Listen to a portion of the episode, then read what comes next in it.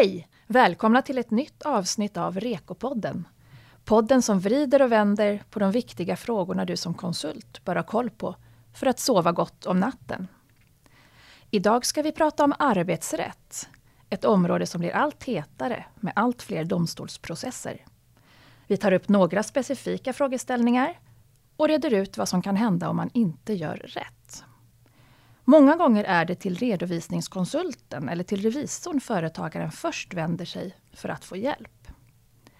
Jag som leder samtalet heter Pernilla Halling och är chefredaktör för Fars tidning Balans.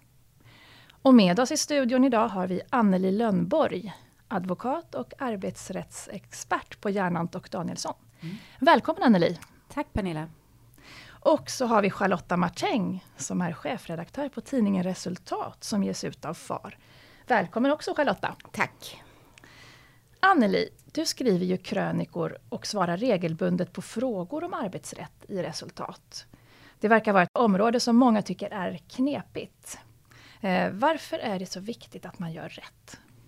Ja, min bedömning är att eh, under de här åren jag har jobbat med arbetsrätt att området någonstans nästan explosionsartat har ökat. Och min personliga åsikt som jag tror detta beror på det är för att arbetstagarna börjar googla på sina rättigheter och skyldigheter. Och det kan bli det kan bli väldigt dyrt för arbetsgivaren att göra fel. Och det börjar arbetsgivaren också då bli medveten om och kanske medveten om på grund av negativa erfarenheter och därför börjar man mer och mer söka arbetsrättslig rådgivning innan man ska ta olika beslut. Mm. Um, alltså en Google-effekt kan vi säga kanske? Ja, det är i alla fall mm. min personliga åsikt och uh, ja, tro på det hela. Ja. Mm. Och allt fler av de här tvisterna hamnar ju i domstol, vad jag har förstått. Mm. Um, är det så också att det har blivit svårare för företagen att göra rätt? Är det mer komplicerat? Alltså egentligen tror jag lagen eh, har inte blivit svårare på något sätt, men jag tror att eh, förr i tiden kanske man godtog lättare ett handslag eller något sånt där. Idag återigen så vet arbetstagaren om sina rättigheter och skyldigheter. Eh, fler och fler eh, är fackligt anslutna och rådgör med sitt fack inför olika arbetsrättsliga frågeställningar. Så jag tror egentligen inte att det har blivit svårare att göra rätt, men att båda parter är lite mera medvetna helt enkelt. Okej. Um, Charlotta, du får ju en hel del frågor till, till resultat om arbetsrätt. Vilken typ av frågor handlar det om, om man ska generalisera lite? Ja, det märks ju att det här är frågor som intresserar våra läsare. Det är vanligt att man hör av sig och eh, vill få svar på sånt som rör anställdas rätt till semester och semesterlön. Men också vad man som arbetsgivare ska tänka på om man vill avsluta ett vikariat i förtid eller hur man ska tänka när man behöver säga upp personal. Många undrar också över hur de påverkas om man ska ha eller inte ha kollektivavtal. Mm. Spännande. Vi återkommer till de här frågorna. Eh, Anneli, i din senaste krönika i Resultat så skriver du om att det kan bli dyrt för ett företag att inte inställa sig vid förhandling om att teckna kollektivavtal. Mm. Um, är det så att man som företag är skyldig att förhandla om att teckna kollektivavtal även om man kanske inte vill ha kollektivavtal? Ja, det är just det den här krönikan som du nämner Pernilla handlar om. Att många arbetsgivare som kanske inte har kollektivavtal, de vill inte ha de vill faktiskt just inte ha kollektivavtal och så får de en förhandlingsframställan eh, om där ämnet då är att om att teckna kollektivavtal och så tänker de att nej men den, vi ska inte ha en kollektivavtal här så vi inställer oss inte till den här förhandlingen. Men har man någon arbetstagare på arbetsplatsen som är ansluten till en facklig arbetstagarorganisation så är man faktiskt skyldig att inställa sig vid förhandlingen och detta oavsett då om man går dit med inställningen att man ändå inte ska komma därifrån med ett kollektivavtal mm. men man är skyldig att inställa sig vid förhandlingen om man har det räcker med som sagt en enda arbetstagare på arbetsplatsen som är fackligt ansluten. Och, och hur vet man det som företagare? Ja, oftast brukar det faktiskt framgå av den här förhandlingsframställan som man får. Eh, ibland kan arbetsgivaren veta det av någon annan anledning, men i annat fall skulle jag ta kontakt med, med organisationen som har kallat till förhandling och, och fråga helt enkelt. Mm. Men man har inte rätt att fråga sina anställda? Det kan man ha i vissa situationer, men jag skulle kanske inte säga just i den här situationen eh, att man ska gå runt och fråga vem är det som har, initierat den här förhandlingen. Det kan bli ett dåligt eh, klimat. Då tycker jag det är bättre att, eh, att kontakta den som har skickat framställan. Mm. En annan fråga som du tar upp i en krönika handlar om uppsägningstid. Vad är en skälig uppsägningstid från arbetstagarens sida? Och det här aktuella fallet som du skriver om i din krönika handlar om en VD som sa upp sig och det saknades skriftligt anställningsavtal. Vad är då en skälig uppsägningstid från arbetstagarens sida? Ja, i just det där fallet då som AD avgjorde så handlade det som du säger om en VD som inte hade något skriftligt anställningsavtal och då så sa man att man vände egentligen på frågan och sa vad är en skälig uppsägningstid om det hade varit arbetsgivaren som hade sagt upp vdn och då sa man att i vd-avtal ska det i vart fall vara sex månader och då menade man på att det borde finnas någon form av reprocicitet i det hela, det vill säga att detsamma ska gälla vid vdns uppsägning. Mm. Så i det fallet så fann man då att en skälig uppsägningstid när, när vdn själv säger upp sig ska vara sex månader. Eh, men det fallet handlade ju då specifikt om vdr. Eh, vad som är en skälig uppsägningstid för en normal, om jag får kalla det så, arbetstagare. Ja, där får man lite titta på LAS och den minsta uppsägningstiden det är en månad. Mm. Eh, sen kan det finnas längre uppsägningstider som är skäliga när arbetstagaren själv säger upp sig. Och det kan ju bero på att arbetsgivaren behöver skydda sig. Arbetsgivaren behöver skydda sig på så sätt att den behöver tid kanske att ersätta den här arbetstagaren. Eh, det kan finnas andra orsaker också till att man behöver en längre avtalad uppsägningstid än, mm en, eh, en månad. Men jag skulle nästan säga att finns det inget avtalat, mm. alltså ett skriftligt, så kommer den skäliga bedömas utifrån vad LAS säger. Okej, okay, så håll koll på LAS. Mm. Av många skäl kanske. Eh, Charlotta, eh, du nämnde ju några frågor som var, som, som var vanliga att du får ta emot som chefredaktör för mm. Resultat. Eh, ett av de områdena är ju semester. Ja. Och eh, det är ju ett, varje sommar i alla fall så blir de frågorna särskilt aktuella. Eh, vad är det för frågor det handlar om som du ja, brukar få? Vi märker att inför sommaren såklart och även inför jul och nyårsledigheter så poppar ju de här semesterfrågorna upp. Och framförallt undrar man lite grann skillnaden på semesterår och intjänande år. Och eh, man funderar lite grann på rätten till semester under provanställning eh, en annan het fråga verkar vara om den anställde har rätt att ta ut semester under sin uppsägningstid. Vad gäller i det fallen där? Och eh, när man som arbetsgivare har eh, rätt att beordra anställda att avbryta semestern för att komma in och jobba. Då är det frågor som du också stöter på. Absolut, det här med semester eh, och det tycker jag också är ett ämne som, som har växt någonstans. Eh, tidigare var det lite sådär att man, man hade sina fyra veckors industrisemester och det var det man förhöll sig till. Idag eh, spelar folk mycket mer in med föräldraledighetsdagar och, och är lite mera om sig och kring sig skulle jag vilja säga. Eh, så att, eh, jag tycker att det är ett ämne som ja, uppkommer väldigt ofta och inte bara just i anslutning till, ehm, till större ledigheter utan det kan också vara i samband med att en anställd ska sluta sin anställning och då ska få, få ut semesterersättning för till exempel sparade semesterdagar. Eh, och då kan det ibland vara en diskrepans mellan vad arbetsgivaren och arbetstagaren tycker att man har för antal sparade semesterdagar. Mm. Hur, hur, långt i förväg då har man rätt att få besked om man får semester eller inte? Ja, man ska ju få besked minst en månad innan. Eh, det här med antal sparade semesterdagar. Um, hur kan det finnas en skillnad mellan, mellan arbetsgivarens och arbetstagarens syn på det? Ja, det kan man ju fråga sig faktiskt.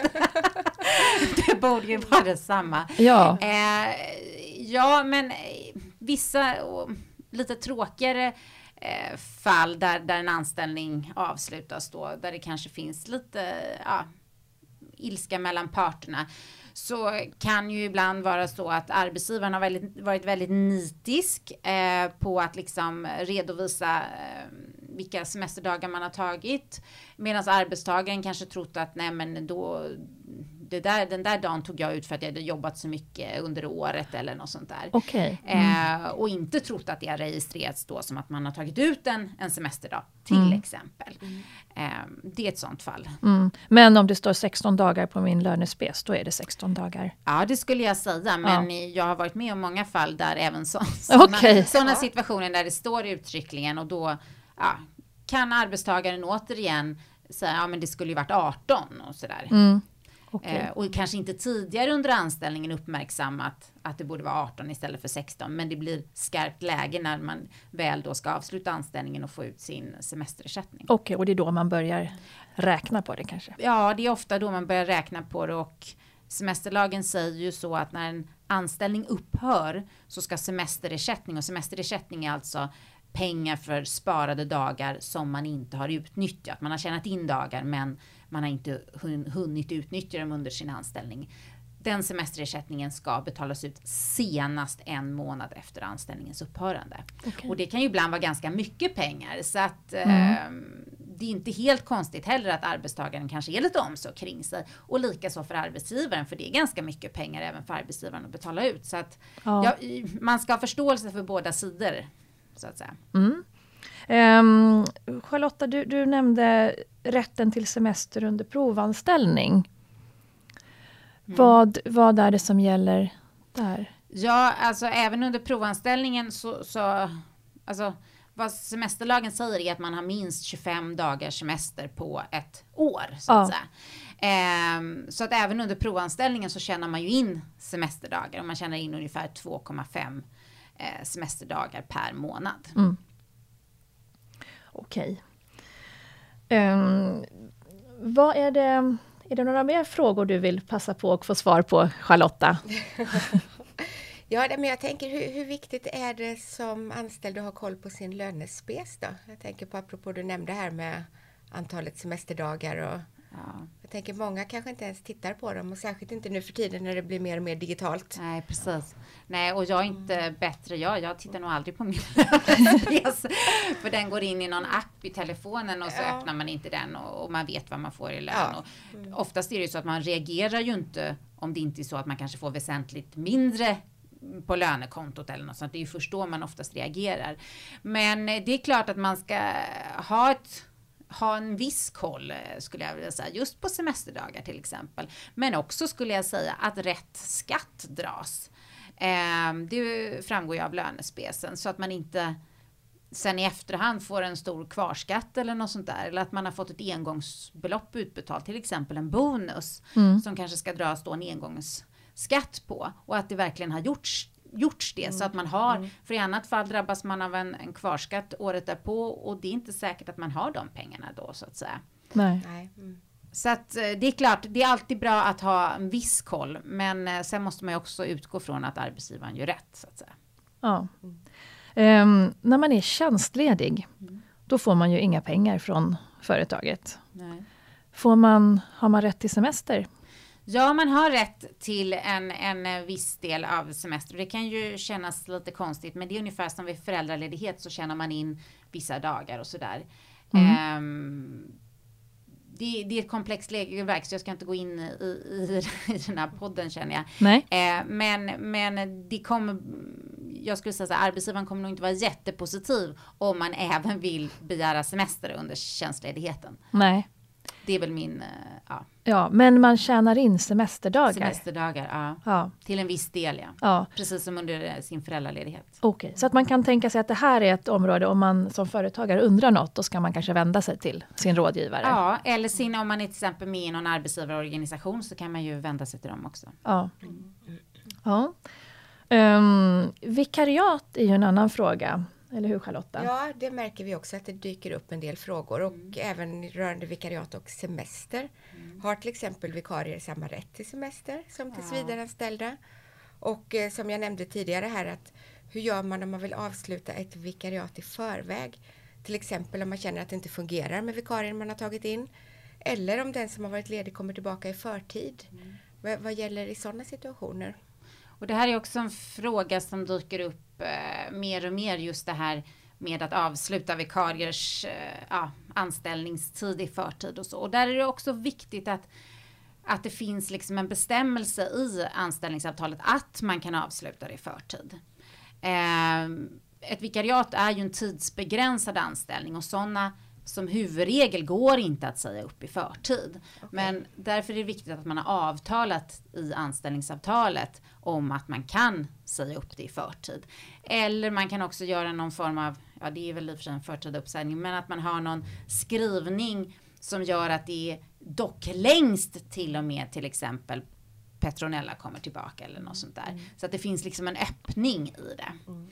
Och vad gäller semestern för vikarier, ja man kan ju tänka sig då att vikarien är där och den ska absolut inte få ha semester så att säga. Men så är det inte utan semester, eh, vikarien har också rätt till semester mm. och precis som, som om det vore en tillsvidareanställning men baserat då självklart på den totala anställningslängden och där får man ju då titta på att man har 25 dagars semester per år och är det ett halvår, ja då får man halvera de här 25 mm. dagarna. Och mm. Men om man då har ett avtal med vikarien och så kommer man på att man glömde den här grejen då om att ha en liten klausul om att man kan säga upp i förtid. Ja. Kan man komplettera ett anställningsavtal och hur i så fall? Ja, tänker man kring det? Alltså det råder ju någonstans avtalsfrihet mm. i, i, Sverige så det är klart man skulle kunna komplettera. Men frågan är ju då om den här vikarien mm. skulle gå med på det. Mm. För den vikarien kommer ju självklart ana oråd och tänka okej, okay, om jag skriver under det här tilläggsavtalet så kommer det innebära att de sen säger upp mig i mm. förtid ja. så att säga. Så att det är klart att det skulle kunna gå, men frågan är om vikarien mm. kommer gå med på det. Eh, det är ju lite det som är hela mitt arbete, att försöka täcka alla de här hålen skulle jag säga, i, i, eller luckorna i förväg så att säga. Att tänka in alla de här situationerna redan vid eh, undertecknandet av anställningsavtalet. Mm. Mm. Är företagen bra på att ta, ta den här hjälpen eller kommer man ofta i efterhand? Ja, jag skulle inte säga att det beror på för, företagen, utan så är väl människan. per se skulle jag säga att man är ju eh, efterklok, skulle jag säga. Ja. Eh, men jag tycker att företag mer och mer, och det beror lite på företagskulturen och sådär, men det är klart att eh, när man ska anställa en person, det är, det är glatt och båda är mm. överens och det här kommer bli jätte, jättebra. Um, och där och då vill man ju inte vara krånglig och föra in massa med jobbiga bestämmelser som ska förhandlas och så. Så att, eh, och bara av den naturen så är det klart att de här problemställningarna ofta uppkommer i efterhand. Uh, men då är det ju bra att man har en klar och tydlig mall redan innan. Mm. Där de här bestämmelserna finns med och kunna hänvisa det till det. Att så här, så här ingår vi avtal på de här premisserna så att säga.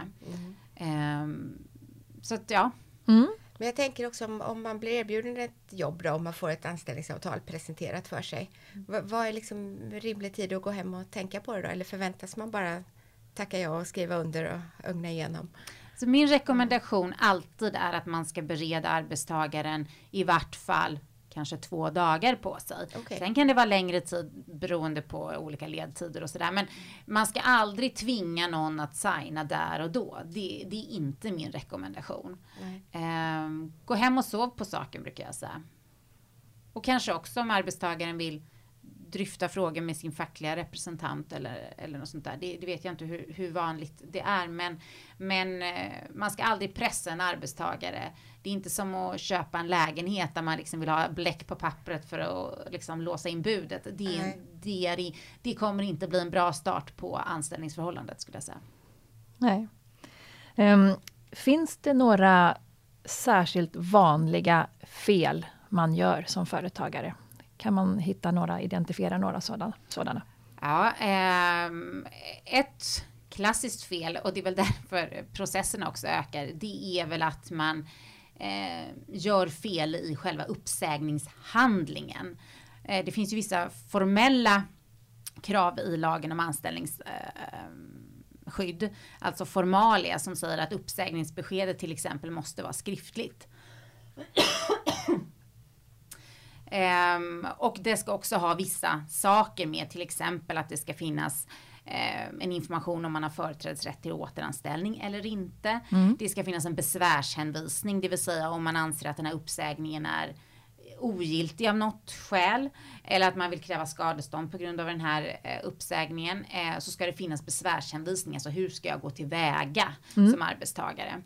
Eh, men många gånger kanske man bara som ar- arbetsgivare skickar ett mejl här med sägs du upp per vilket datum det nu är. Mm. Eh, och den, det agerandet i sig är ju egentligen skadeståndsgrundande. Då har man brutit mot vissa regler i lagen om anställningsskydd. Så det är ett ganska klassiskt fel skulle jag säga. Mm. Och därför brukar jag ofta säga till arbetsgivare, ring mig innan ni ska säga upp någon. Ja. Eh, det är, eh, man kanske tycker det är onödigt men det är en quick fix och man spar in mycket tid och energi skulle säga. Och för som du sa i början, det kan bli dyrt om man gör fel. Det kan bli väldigt dyrt. Ehm, det, det som blir, blir extra dyrt skulle jag säga, det finns en bestämmelse i, i då lagen om anställningsskydd som, som säger att arbetstagaren har rätt att ogiltig förklara en uppsägning. Eh, det vill säga anser man att det inte finns saklig grund för uppsägningen så kan man då ogiltig förklara den här vid domstol. Och en ogiltig förklaring av en uppsägning innebär att arbetstagaren ska vara fortsatt anställd tills dess tvisten är slutligt prövad. Eh, och fortsatt anställd, ja då ska den uppbära lön och andra förmåner precis som att den där uppsägningen aldrig hade skett. Eh, och det är klart att man då som arbetsgivare kan kräva tillbaka den här anställde i arbetet under den här tiden. Men det är ju sällan en arbetsgivare vill ha någon på kontoret som driver en process mot en så att säga. Eh, så att det blir ofta bara en output och ingen input i en sån process. Eh, så det är en väldigt dyr och kostsam process. Och hur Eh, lång kan en sån process Ja, vara? ledtiderna i domstol är ganska långa och speciellt om vi rör oss i Stockholmsområdet. Mm. Eh, om vi bara tittar på vad tiden i tingsrätten skulle eh, röra sig så är det ungefär ett till ett och ett halvt år. Oj, så det är lön under Ja, ett till ett och ett precis. halvt år? Då. Stora summor. Det blir otroligt stora summor och på, på lönen och allting är det ju sociala avgifter och, och sånt där. Ja. Så som ni förstår, många av de här förliks, Mm. för det är, det är dyrt. Ehm, det är dyrt för båda parter givetvis att driva process.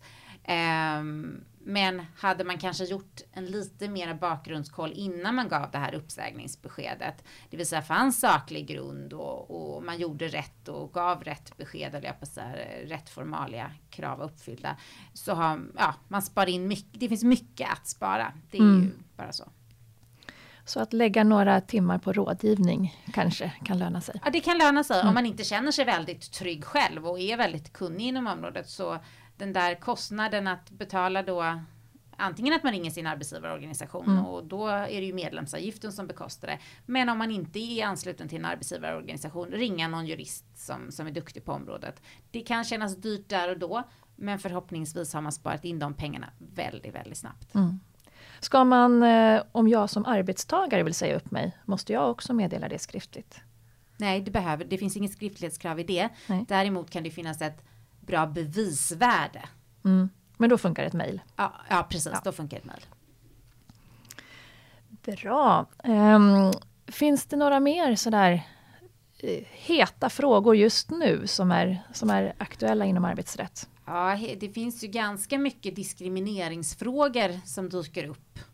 Ehm, jag har inte jobbat så mycket med diskrimineringsfrågor, men det dyker upp ganska mycket olika sådär och det har också funnits lite eh, vad ska vi säga, planterade case ute eh, för att driva. Det kanske låter eh, hemskt, men, men ibland finns det organisationer som av olika anledningar vill driva case för att få upp liksom prejudikat som man säger då, vägledande praxis. Mm. Eh, som eh, förvisso då har goda gärningar och god tanke, men det kan ju bli väldigt kostsamt för olika företag som då kanske utsätts för den här formen av eh, diskrimineringsrunder och sånt där. Men det, det ser vi lite mer också som, som dyker upp så att säga. Mm. Sen är det precis som eh, Charlotta sa, det är eh, ganska mycket frågor som är på bordet hela tiden. Och det tror jag också beror på att arbetstagaren börjar förstå värdet i de här dagarna, alltså att det finns ett värde i det. Um, mycket att ta fram semesterpolicies, hur länge får man spara semesterdagar och sånt där. Uh, när måste man ta ut dem? Det kan ju finnas företag som har uh, mycket ser vi, uh, ja men eh, kanske i den mer finansiella eh, branschen att man har låtit arbetstagarna jobba ganska mycket mm. och, och låtit dem spara då semesterdagar och det kan ju liksom handla upp mot, jag har sett eh, personer som har haft 60 till, till 100 sparade semesterdagar, de har varit länge vid företaget. Vad ska man göra med de här 60 till 100 sparade semesterdagarna och sådär. Mm.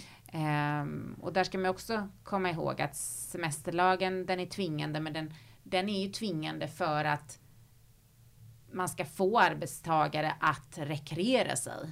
Eh, och det måste vi arbetsgivare också tänka på att det finns ett mervärde i att låta arbetstagarna ha semester ibland. Och mm. Om jag har sparad semester men känner att jag har svårt att ta ut den. Mm. Har jag rätt att få det i pengar då? Eller vad är det som gäller där? Eh, ja, då, det är väl en förhandling mellan dig och arbetsgivaren i så fall. Mm. Så att säga. Eh, men inte, inte som per se, som huvudregel har du inte rätt att bara få ut dem i pengar. Nej, jag tänker i, inom vissa yrken kanske det är så att ja visst, man kan ta ut semesterdagarna på pappret, men man får ändå sitta hemma och göra det, för det är ingen annan som gör jobbet. Ja. Eh, I sådana lägen tänker jag. Ja. Och då skulle jag säga att det beror väldigt mycket på företag till företag och, och så. Och det kan också bero på huruvida man har kollektivavtal eller inte. Mm. Okej, okay, så det, det, är en, man ska ha koll på ifall företaget har kollektivavtal eller inte, för där mm. är det olika. Ja, och det kan ju finnas reglerat i, i kollektivavtalet vissa semesterförmåner och sånt där också. Ja. Till exempel bara en sån sak som att i vissa kollektivavtal så bara för man har nått en viss ålder så får man extra semesterdagar och sånt där. Just det. Ehm, så det finns skillnader i, mm. från arbetsplats till arbetsplats. Mm. Ja, tiden går.